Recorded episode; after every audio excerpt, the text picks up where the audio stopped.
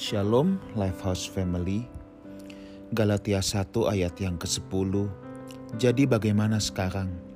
Adakah ku cari kesukaan manusia atau kesukaan Allah? Adakah ku coba berkenan kepada manusia? Sekiranya aku masih mau mencoba berkenan kepada manusia, maka aku bukanlah hamba Kristus.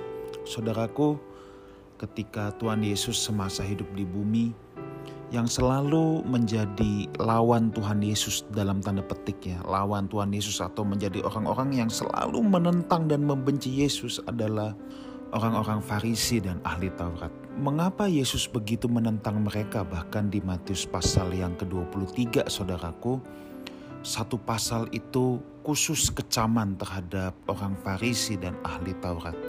Yesus menyebut mereka dengan kata ini, orang-orang munafik, orang-orang munafik. Munafik itu hypocrite dalam bahasa Inggrisnya atau kepalsuan itu berasal dari bahasa Yunani hypocrites, hypocrites. Sebenarnya hypocrites ini adalah pemain sandiwara saudara atau topeng yang digunakan para pemain sandiwara Para pemain sandiwara menggunakan topeng untuk berakting, untuk memukau penonton saudaraku. Mereka bisa tidak menjadi dirinya itu sebabnya memerlukan topeng karena sedang acting dan mereka jelas yang mereka tuju adalah sanjungan manusia, adalah tepuk tangan penonton saudaraku. Nah, yang menjadi titik keberatan Tuhan Yesus adalah kenapa dikatakan mereka orang munafik sebab mereka melakukan ibadah dengan tujuan mendapatkan tepuk tangan manusia. Itulah sebabnya Tuhan mengecam mereka ketika memberikan sedekah, mereka mengumbar-ngumbar atau canang yang bergerincing itu seperti meniup trompet saudaraku. Jadi semua orang harus tahu kalau mereka berpuasa mukanya dipasang muram. Kenapa? Sebab mereka ingin orang lain tahu bahwa mereka sedang melakukan ibadah-ibadah itu dan mereka akan dipuji dan dianggap lebih rohani daripada orang pada umumnya. Nah, saudaraku, inilah yang ditentang Tuhan Yesus. Kalau pemain sandiwara mengharapkan tepuk tangan manusia adalah hal yang wajar sebab memang itu pekerjaannya. Tetapi apabila seseorang melakukan ibadah, ibadah dengan tujuan mendapatkan pujian manusia, ibadah di sini bukan sekedar kebaktian, Saudara ya. Kalau dalam agama Yahudi dulu ada tiga ibadah besar yang selalu mereka kerjakan, berdoa, berpuasa, memberi sedekah.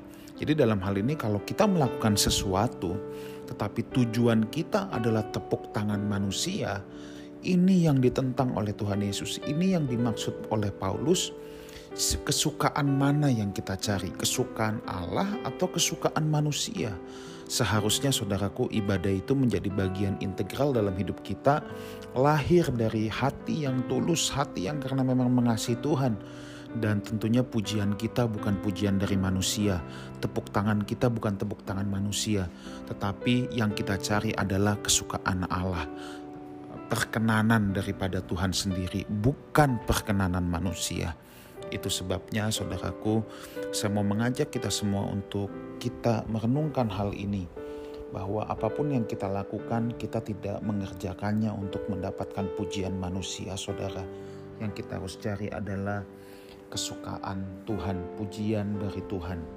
Nah, dalam hal ini kita harus belajar saudara menjadi orang yang tulus, kita harus berkomitmen, kita harus bertekad bahwa kita melakukan apa pun tanpa embel-embel, tanpa motivasi sebab kita nggak mau jadi orang munafik.